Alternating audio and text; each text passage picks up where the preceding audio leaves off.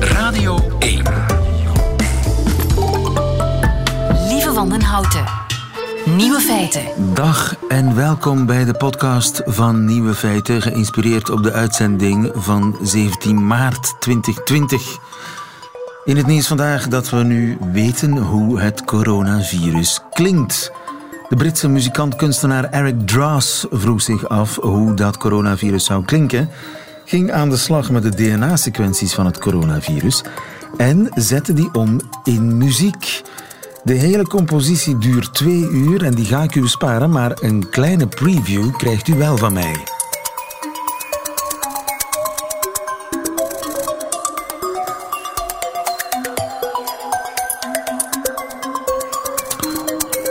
Zo klinkt onze onzichtbare vijand dus. Ik weet niet wat ik het ergste vind, het virus of de muziek.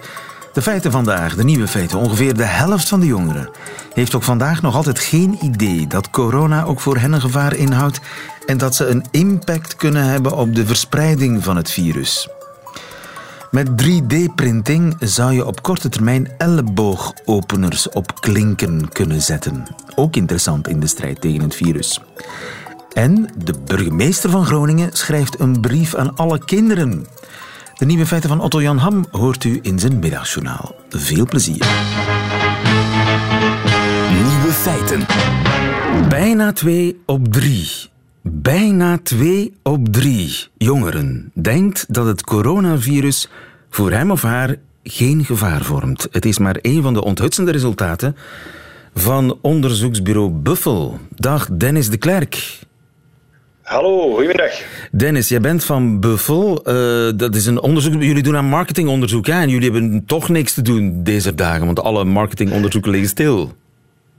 Ja, dat zou je denken. Hè? Nee, het zijn, het zijn heel drukke dagen eigenlijk voor ons. Ja, we zijn een, een jong bedrijf. Wij doen inderdaad marktonderzoek. Ehm, en vandaag hebben we vooral in de coronatijden gefocust op de jongeren. Omdat we toch gezien hebben dat die met een andere kijk naar de wereld staan als, als dat we zouden denken. Ja, twee, bijna twee op drie jongeren denkt dat het coronavirus voor hem of haar geen gevaar vormt. Wanneer hebben jullie dat gevraagd? Van, van wanneer dateert die be- bevraging? Uh, van daarnet eigenlijk. We hebben dat daarnet om uh, Vandaag? tien uur. Vanmorgen? Ja, vandaag. We hebben dat daarnet gevraagd. Ja, klopt. Ja, we zijn een uh, real-time marktonderzoekbureau. Um, we zijn een, een start-up, scale-up, um, noemt dat dan tegenwoordig. En wij doen eigenlijk live onderzoek. Dus we bevragen uh, zo'n 750 mensen zitten we nu op.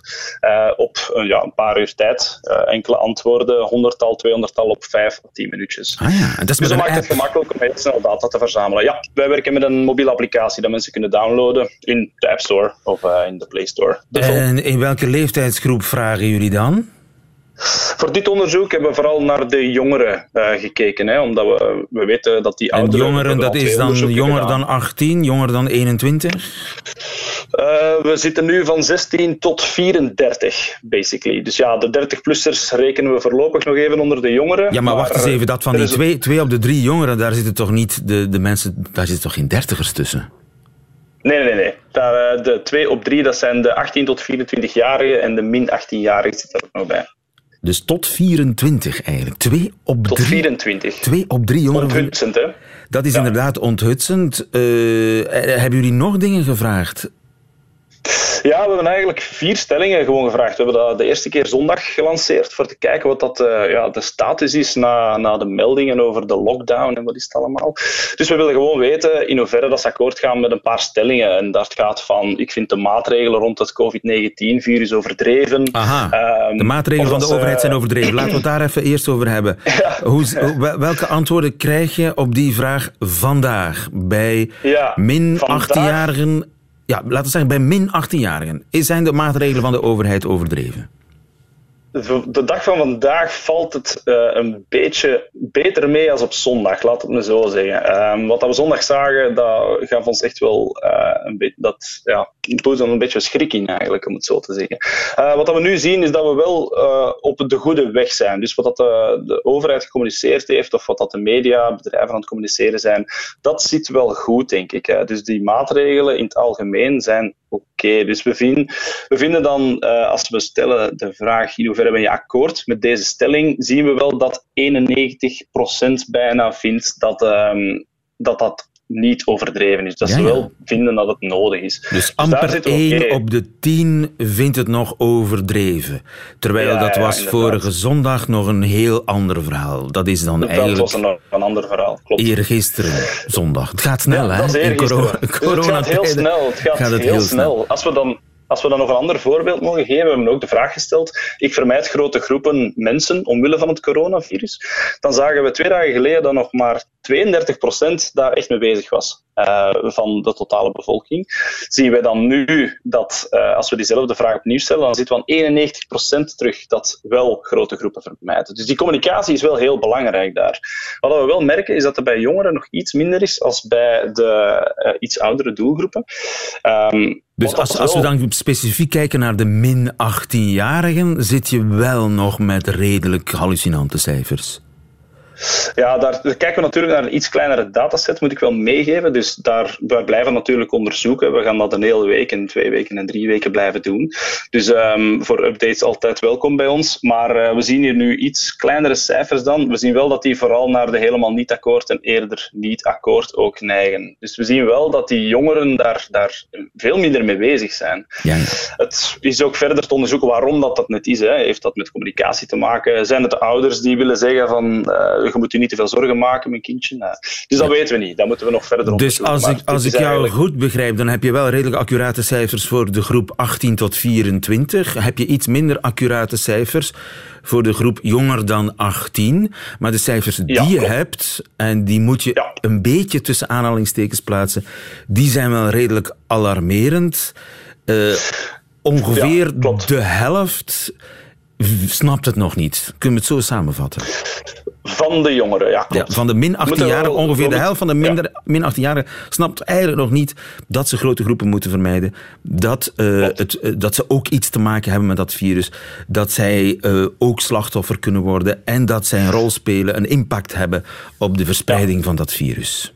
En ook de perceptie dat leeft dat het, dat het virus niet gevaarlijk is voor hun. Dat is vooral ook frappant. Want dat is wel degelijk zo. En, en, op een of andere manier blijkt het in de media toch te komen dat de eerste slachtoffers een iets oudere doelgroep zijn. Dat wil niet automatisch zeggen dat het niet gevaarlijk is voor jongeren. Dus dan praten we eigenlijk over de helft die nog niet uh, goed geïnformeerd is of die zijn gedrag toch in elk geval niet uh, heeft aangepast. Ik ga even naar Hannes. Hannes Koedenis. Goedemiddag, Hannes. Jij zit mee te luisteren. Goedemiddag. Hannes, ja, jij bent uh, vlogger het is je geraden dat je mee aan het luisteren was. Vlogger, online creative, influencer, wat nog niet allemaal. Schrik jij van die cijfers, Hannes? Uh, ja, nee, eigenlijk totaal niet. Uh, ik denk als we naar onszelf kijken, dat we heel jong waren. Ik weet niet of je dat nog kan inbeelden, maar uh, ik had ook nergens schrik voor. ik wou vooral dringend mijn lief kunnen zien. Ik wou buiten spelen met mijn vrienden. Dus uh, ik vind dat totaal niet raar dat het zo is, ja, absoluut niet. Ja, maar we zijn al wekenlang uh, zeer erg begaan met corona en alle gevolgen daarvan. De journaals mm -hmm. gaan nergens anders over. De terzakens, de afspraak, Radio 1, noem maar op. Het zijn allemaal dingen dat de jongeren niet naar kijken, hè, lieve. Nul. Gewoon nul. Nul, nee, dat zijn dingen dat ze al lang niet meer naar kijken. Hè. En uh, als ik gisteren Koning Filip zag, dacht ik van Koning Filip, je zou beter op Snapchat of op TikTok even uh, iets gaan posten. Uh, de World Health Organization heeft het begrepen. Zij zitten op TikTok. ze hebben al een aantal dingen gepost. op Snapchat ook. Ze gaan vandaag livestreamen. En denk dat dat belangrijk is, dat ze echt wel op die kanalen gaan waar ook de jongeren alleen maar meer zitten. Hè. Of op Twitch of op YouTube, et cetera. Uh, En dat daar de juiste mensen ook de communicatie gaan voeren. Ja. De influencers, de YouTubers, die hebben ja. een verpletterende verantwoordelijkheid, hoor ik jou zeggen. Uh, ja, eigenlijk wel. Ik vind uh, dat ze hun, hun, kracht zeker kunnen inzetten. En sommigen doen dat ook spontaan. Uh, dat gebeurt al. Heel veel samen met Celine. Ja, we werken heel veel samen met Celina en Michiel. Ik weet niet of je hen kent. Dat is een conform mijn leeftijd. TikTok-koppel. conform mijn leeftijd zijn die mij totaal onbekend, Hannes. Celina en Michiel hebben 6 miljoen volgers op TikTok. En zijn, ja, ik zit er trouwens met een kindje op de achtergrond, mijn zoontje, want het is, iedereen moet thuis blijven. Tuurlijk. Dus als je een kindje hoort, dat is dus mijn zoon die bezig is. Ja, geef hem de groeten. Um, dus, uh, dus en Michiel dus hebben... 6 miljoen volgers? Ja. Hè? Wereldwijd neem ik aan. Dus die zijn waanzinnig groot. Uh, wereldwijd, maar heel veel uit Vlaanderen. Um, Ze hebben gisteren op YouTube spontaan een, eh, een vlog gepost waarin dat ze tien manieren zeggen om corona tegen te, te bestrijden. Ja. En jij hebt zelf ook al je Ehm, naam veranderd. Naar het schijnt. Ik heb zelf mijn naam op Twitter al veranderd. Ja, alle kleine, alle kleine beetjes helpen. Eh, ik zag dat Stijn Vlaming eh, dingen had gepost om te tonen hoe het eh, virus eigenlijk werkt. Dus dat trucje met zeep en peper in het water. Ik weet niet of je dat gezien hebt. Ik zag dat Conform mijn leeftijd andermaal had heb ik dat nog niet gezien. Maar dus jouw, jouw Twitternaam is veranderd in Blijf Gewoon Binnen. Hoeveel volgers Ja. heb jij op, op, op de diverse TikTok-kanalen? Op TikTok hebben we er eh, bijna 70.000, maar ik ben, ik ben nog altijd een kleine, een kleine, een kleine vis hè, op TikTok. Je bent een kleine Eh, vis. Hoe vinden we ik, die eh, grote vissen? Kun jij die vinden? Eh, wij kennen dat, wij werken daar heel veel mee samen en wij zijn die allemaal aan het contacteren om eh, mensen als Average Rob, Flo, eh, maar nog de veel jongere TikTokkers, want het zijn echt de allerjongste die echt goed moeten eh, gesensibiliseerd worden Ja. om de juiste dingen en te sta gaan je doen. ook in En contact die kanalen Snapchat en TikTok, met de, de, ja, de overheid? De mensen die de hele campagnes moeten organiseren? De FOD Gezondheid? Eh, heb je daar al iets van contact gehoord? met de overheid. ja. Maar d- er is, een, er is een groep op Facebook eh, waarin dat we alle, allerhande marketing professionals en communicatie Oh, ja, dat is die groep waar eh, ik eh, Mark Koeken ja. ook over heb horen praten. Al. Dat is die ja, groep. klopt. En, ja, maar, maar- Dus daar ja, beweegt van alles. jongere mensen tussen. Ja, daar zitten ook jongere mensen tussen. Ehm, Dat is een... ja. een en wat je merkt is dat er wel een beetje, dat er wel een beetje chaos is. Juist. in die zin dat er Ja. heel veel. Er is gewoon heel veel communicatie. Ehm, we, we werken ook met kanalen als Facebook. En Facebook is niet echt bekend om altijd eh goede. Er is veel misinformatie op Facebook, laat het mij zo zeggen. Eh, dus het is hard werken voor de overheid, denk ik, om die commu- communicatie op één lijn te krijgen. Maar wij doen ons best en we Ja. spreken onderling als professionals met elkaar wel. Dus eh, Ja. we gaan ons best doen. Dus al die eh, TikTokkers en vloggers en YouTubers die de min 18-jarigen kunnen bereiken, die eh, spreken ook onderling met elkaar af en die toetsen ook de informatie die ze geven aan de overheid. Dat we zeker zijn dat, Dat er gebeurt, geen... eh, maar het moet dus nog iets beter, absoluut. Daar wordt aan gewerkt en dat is een hele Ja. geruststelling. Wat, eh, jouw zoontje wil ons de groeten doen? Ja, ik denk het. Ray, was jij je handen al? Wat is? Was jij je handen al? Ja. Dat is goed, jongen. Voilà. Kijk Zeg maar aan al je vrienden. Thuiswerken in tijden van corona.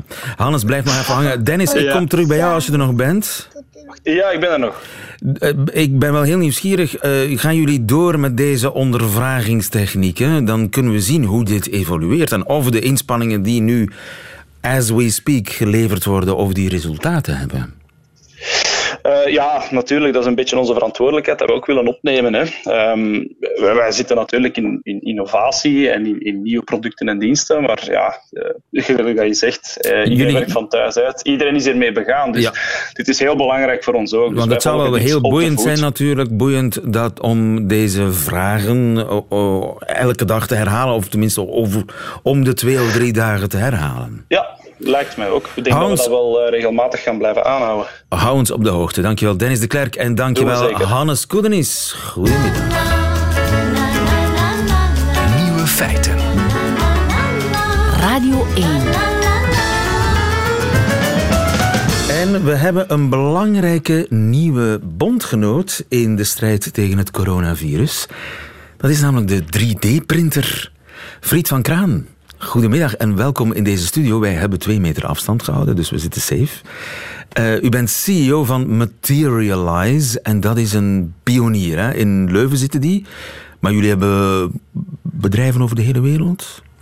Ja, dat klopt. Wij zijn nu al 30 jaar bezig met 3D-printen. En we hebben vestigingen in 27 landen. Ja, pionier op vlak van 3D-printing. Ehm, kunnen we 3D-printing inzetten in de strijd tegen het coronavirus? Ja, dat geloven wij zeker. 3D-printen wordt dus vandaag al gebruikt voor heel veel productontwikkeling. En eh, ja, nu is er urgent nood aan bepaalde oplossingen.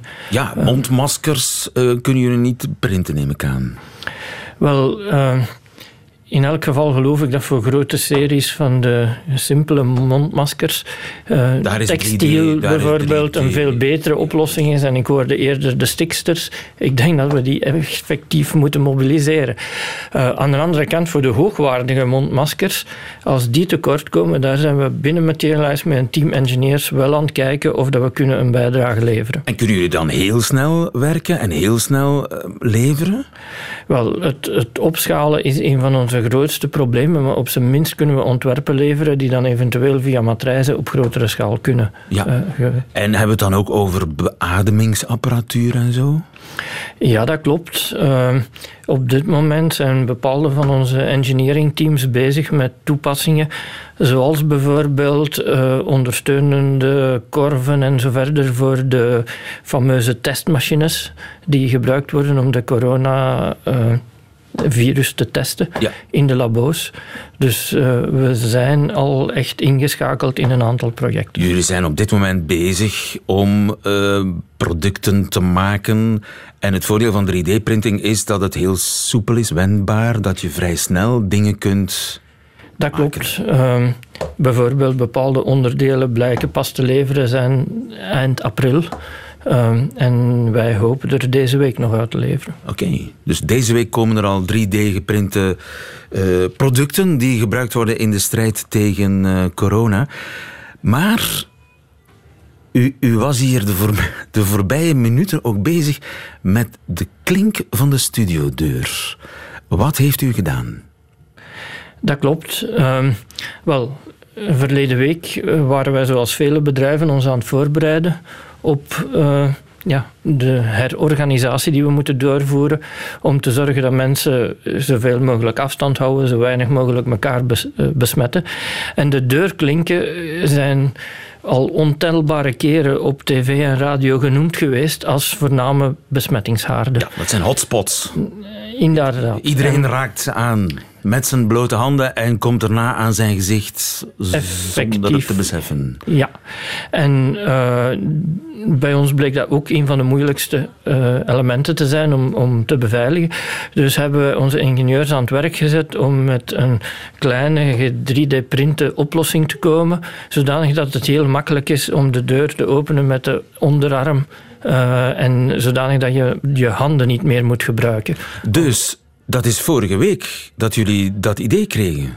Vorige week donderdag, ja. En uh, ja, dan hebben we verschillende design-iteraties gedaan op donderdag en vrijdag. En tijdens het weekend hebben we alle begeleidende handleidingen en, en begeleidende stickers, pictogrammen gemaakt en zo verder om te zorgen dat... Uh, deze oplossing kan verspreid worden. Ja, het kan verspreid worden. Dus het duurt blijkbaar slechts enkele dagen om een product te ontwerpen en te maken.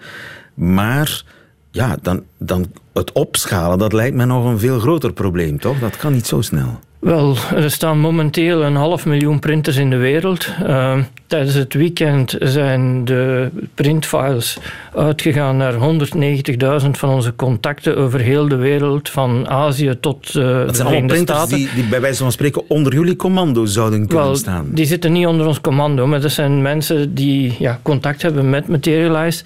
En die hebben wij de informatie geleverd om ook op hun niveau uh, deze oplossing te gaan voorstellen aan hun lokale ja, uh, ja. facilitiesbeheerders. Ja. Uh, wij weten dat op dit moment dit al een item is, uh, niet alleen hier in België, maar ook in Japan, in, in Amerika, in dus Korea. Het zou snel kunnen gaan. Als, jawel, als, als jawel. er lichten op groen springen bij de diverse mensen die dan moeten bestellen en zo van die dingen. Dat klopt, ja. Omdat er heel veel mensen kunnen een 3D-printer gebruiken. Dit is een product dat op zowat elke 3D-printer van plastics kan ja, produceren. Veel mensen, ik heb er natuurlijk geen, maar er zijn veel mensen, bedrijven die dat soort printers hebben. Dat klopt. En onze ingenieurs hebben fantastisch werk geleverd om met designs te komen die op elk type van printer kunnen geproduceerd worden. Oké, okay, ik ga eens naar dat ding kijken. Je gaat er ook zelf een installeren, want we hebben een dubbele studiodeur. Ik ga even checken. Voilà, ja. ik, kan, ik kan gewoon met deze microfoon met u meelopen. En we lopen nu, ik hoop dat ik niet struikel in de draden. U, u bent nu bezig. Oh ja, je kleeft iets op de klink. Een rubbertje aan op de deurklink om ja, de verschillende maten van klinken te kunnen supporteren met eenzelfde device. En ook om voor wat weerstand te zorgen, dan wordt het, uh, ja, het de 3D-print stuk geposteerd op die uh, ja, dus er komen uh, rubbertjes. Het is een beetje prutswerk.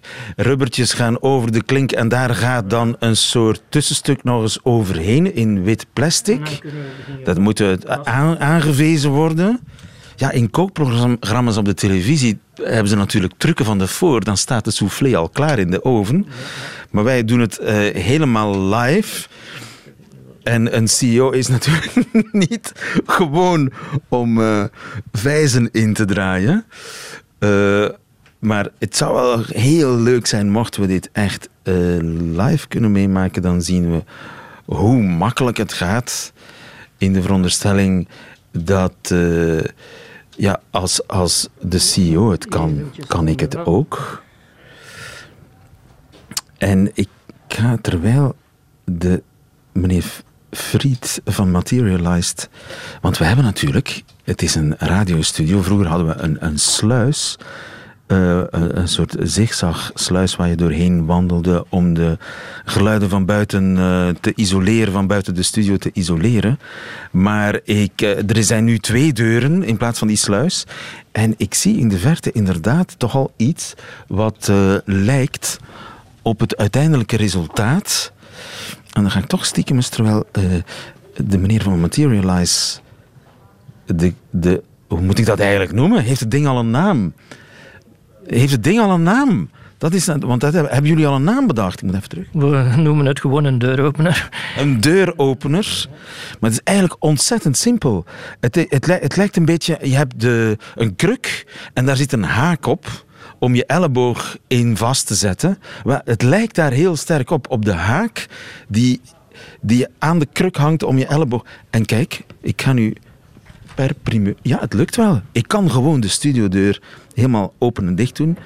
Met de microfoon in de hand, met de, dezelfde hand. En, oh, u bent er al klaar mee? Ja. En er, oh, kijk eens aan, het staat er al op, aan de andere deur ook. Ja. En er hoort een sticker bij natuurlijk. Do less harm, use your arm. En dat product was nog maar een idee vorige donderdag. Het werkt. Ja. Het werkt. Gefeliciteerd. Uh, en we wachten af of dit. Uh, het lijkt mij heel sterk mochten we dit uh, in de komende weken, dagen kunnen uh, opschalen, maar je weet maar nooit. In ieder geval. Ja, dat kan ik u verzekeren dat dat opschalen lukt. Maar we moeten natuurlijk opletten dat we de juiste uh, deuren kunnen beveiligen. Ik denk bijvoorbeeld hier, toen ik de VRT binnenkwam, bij jullie portier moeten alle bezoekers, alle leveranciers passeren. Daar staat een normale deurklink, iedereen pakt die vast. Uh, dus de VRT zal hopelijk open blijven in de komende uh, maanden. Uh, en dan is het toch belangrijk dat we dit soort hotspots beveiligen. Denk ik. Het bestaat en het zit op de studiodeuren van Radio 1. Daar zijn we blij mee. Mogen we hem houden? Ja. Dank u wel, meneer Fried van Materialize. Radio 1. Nieuwe feiten. In Groningen, Nederland, hebben alle kinderen een brief gekregen van de burgemeester om hen gerust te stellen en tegelijkertijd te waarschuwen. Goedemiddag, lieve Swinnen. Goedemiddag. U bent kinderpsychiater. Is dat een goed idee volgens u dat de burgemeester een brief schrijft aan de kinderen?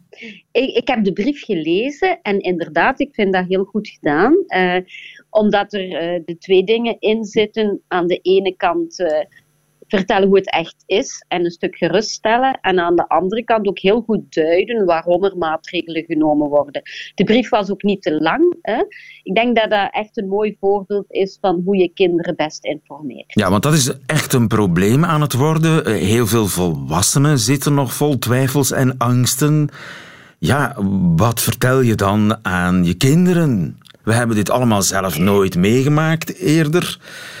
We zijn allemaal bang en in de war. Ja, en ik denk dat dat net de clue is, eh, dat eh, hoe beter je je eigen angst onder controle hebt, hoe makkelijker je je kind kan geruststellen. Hè? Want kinderen kijken toch in de eerste plaats naar de grote mensen rondom zich. Hoe gaan zij hiermee om? Hè? En ze zullen meegaan in de angst en paniek als ze die rond zich zien. En ze zullen een leventje verder zetten als ze zien dat de volwassenen rondom hen dat ook doen. Aha, dus dan is het uh, zaak om zelf je heel grondig te informeren. Dus je moet op zoek gaan naar de betrouwbare bronnen liefste betrouwbare, ja. Want er verschijnt zoveel dat het toch soms uh, moeilijk is om nog te weten hoe bang moeten we zijn. Hè? Uh, dus ik begrijp dat heel goed dat daarvoor. Ja, ik, ik, zit in dezelfde situatie. We hebben hier een praktijk en ik merk dat iedereen daar op zijn manier mee omgaan, afhankelijk van zijn eigen temperament. En dat is bij kinderen ook zo. Hè? Je hebt kinderen die al heel erg uh, veel piekeren, die zullen nog meer gaan piekeren. Je hebt kinderen die zich nergens iets van aantrekken en die zullen ook wel weer gewoon doorgaan. Dus je moet ook kijken naar het temperament van je kind, eh, wat jouw kind nodig heeft. Maar je bent als ouder eigenlijk de belangrijkste, het belangrijkste voorbeeld om je kind te leren hoe je hiermee moet omgaan. Ja, het goede voorbeeld uh, nemen en zelf bijvoorbeeld de, de bronnen van de VRT, de, er zijn kanalen genoeg van de VRT raadplegen. Ja. Of uh, de FOD Gezondheid heeft ook een, een corona-site waar alle informatie die u nodig heeft en die betrouwbaar is, uh, verzameld is, moet ik het eigenlijk allemaal wel vertellen? Het kan hen toch alleen maar bang maken, is wat veel mensen denken. Ik, ik denk dat ja, je niet anders kan dan uitleggen uh, dat, je, dat ze niet naar school kunnen omdat er zo weinig mogelijk mensen ziek gaan worden. En dan een beetje afwachten wat je kind vraagt. Hè? Uh, kinderen zullen wel vragen stellen als het hen echt bezighoudt, maar voor een aantal kinderen gaan ze met hun leventje verder. En er zijn ook kinderen die het best wel leuk vinden dat mama en papa veel in de buurt zijn. Hè. Dus ik denk ook dat je als volwassene moet dit als een opportuniteit moet zien om ook met je kinderen eens andere dingen te doen. Hè. We kunnen toch niet anders. Hè. Uh, ik heb de afgelopen weekend rondom mij wel zien gebeuren dat er heel veel dingen gebeurd zijn met, uh, in families, in gezinnen. Hè die ook wel leuk waren. Hè. We moeten er met ons allen het beste En noem eens een paar voorbeelden. Bijvoorbeeld, ja, oma en opa uh, appen en tekeningen doorsturen en zo. Ja, ja uh, leuke filmpjes maken, uh, de sociale media en de techniek gebruiken om daar leuke dingen mee te doen. samen koken, wafels bakken, een wandeling gaan maken, ergens waar er natuurlijk niet te veel mensen zijn. Ik, denk dat mensen heel creatief kunnen worden op zo'n moment. En we kunnen onze kinderen ook wel leren hè, dat we zelf deze situatie op een goede manier gaan aanpakken. Hè. Het is de eerste keer dat iedereen dit meemaakt en laat ons allemaal een voorbeeld zijn voor uh, onze kinderen. Wij merken het hier in mijn werk ook hoor. Welke kinderen hebben het er heel moeilijk mee? De kinderen die al heel afhankelijk zijn van structuur, van de volwassenen, ja, die raken een beetje ontredderd. Dus wij moeten er ook hier staan om het goede voorbeeld te geven voor hen. Keep calm and uh, carry yes. on. Maar als zo'n kind vraagt, ja, maar kunnen opa en oma doodgaan? Ja, dan kan je niet anders als zeggen van uh, dat je er alles aan doet om te zorgen dat oma en opa uh, niet ziek gaan worden. Hè? En dat zij ook dingen kunnen doen om opa en opa blij te maken. Hè. We kunnen maar allemaal heel erg ons best doen. Zeggen dat dat onmogelijk kan, dat is ook weer niet waar. Hè. We weten het gewoonweg niet. Hè? Uh, maar ook je eigen houding daarin uh, zal veel bepalen. Hè? Uh, ik denk dat als kinderen weten dat er goed gezorgd wordt, dat iedereen doet wat dat hij kan. Hè? Dat ze ook al een stukje geruster zijn. Als er dan toch iets gaat fout lopen en er gaan mensen sterven, dat weet iedereen, dan zullen we ze dubbel moeten opvangen om met dat verdriet om te gaan. Hè. Ja. Maar dat is zo onvoorspelbaar geworden. Hè. En eh, als ik zoontjes heb die heel boos zijn omdat al hun lievelingsactiviteiten geschrapt worden, de scouts, de voetbal, ze mogen niet meer afspreken met hun vriendjes, die zijn kwaad. Heb je nog een oud servies staan in de kast? Laat ze dat maar eens tegen de muur buiten gooien en eens heel hun woede eruit smijten. Dat kan heel erg deugd doen. Meer kan je toch niet doen. Hè? Als de situatie accepteren en een manier vinden om met die boosheid even om te gaan. En dan geef jij ook het signaal van: dit is niet fijn. En je mag even heel boos zijn. We gaan eens iets doen wat we nog nooit gedaan hebben. Hè?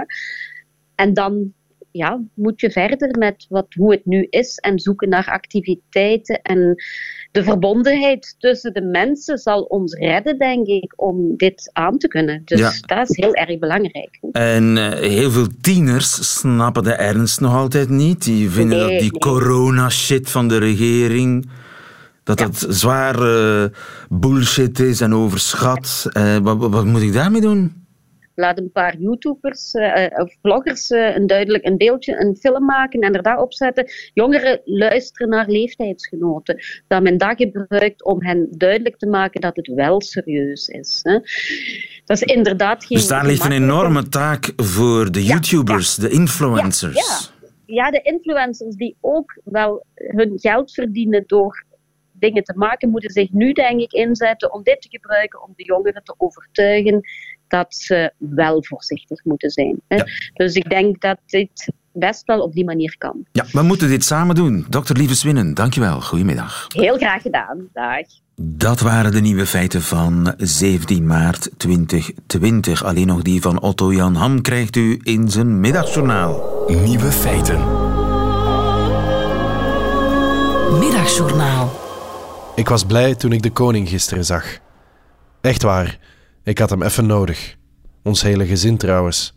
Mijn jongste dochter, die nota bene Filippa heet en die we al vier jaar consequent Filip noemen, zei het achteraf.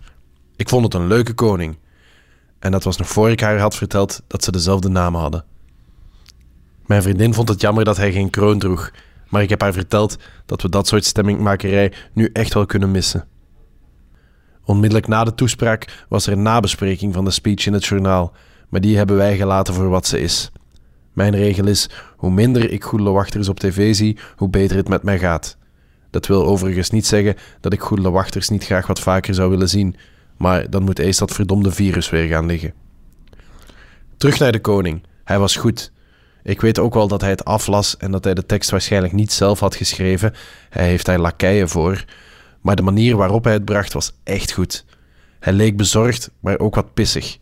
Je zag aan zijn ogen dat hij zijn billen samenkneep. Bezorgd en pissig, zo voel ik mij dus ook. Bezorgd om onze ouders en grootouders wiens leven aan een zijde draad hangt. Pissig op onze ouders en grootouders die doen alsof het allemaal wel meevalt. Bezorgd om de situatie in ziekenhuizen en om de mensen die daar werken. Pissig op iedereen die die zorg niet deelt en die vindt dat de wereld om hem of haar alleen draait. De koning snapte hoe ik me voel. We zaten zelfs op dezelfde lijn. Ik kon het niet zien, maar ik weet zeker dat hij tijdens de toespraak zachtjes op het hoogpollig tapijt aan het stampvoeten was.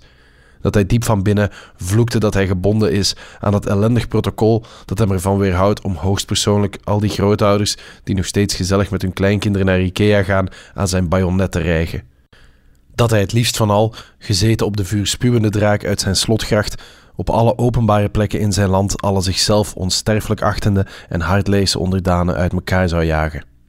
Gisteren zag ik het ware gelaat van mijn koning en dat beviel mij. Ik heb Mathilde ooit nog ontmoet. Het is echt al lang geleden. Ergens in Brugge, iets met jongeren die gedichten hadden geschreven.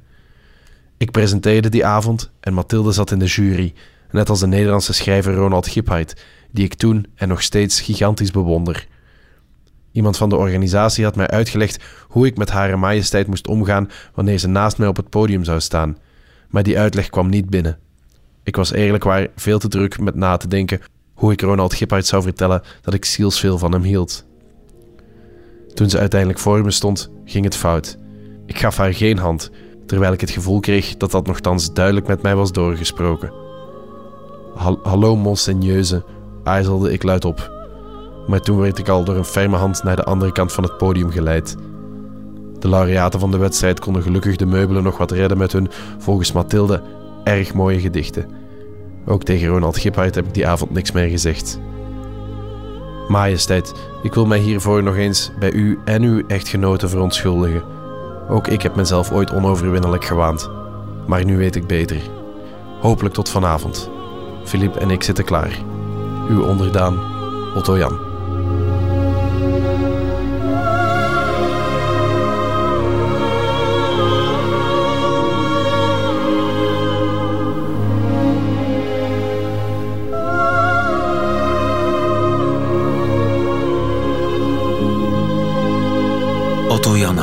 Kijkend naar de koning met een Filip naast zich. Einde van deze podcast, maar als u liever de muziek erbij hoort bij Nieuwe Feiten, de volledige uitzending, dan eh, kan u natuurlijk naar de herbeluisteringsfunctie van onze app. En meer podcasts vindt u op onze website. Tot een volgende keer.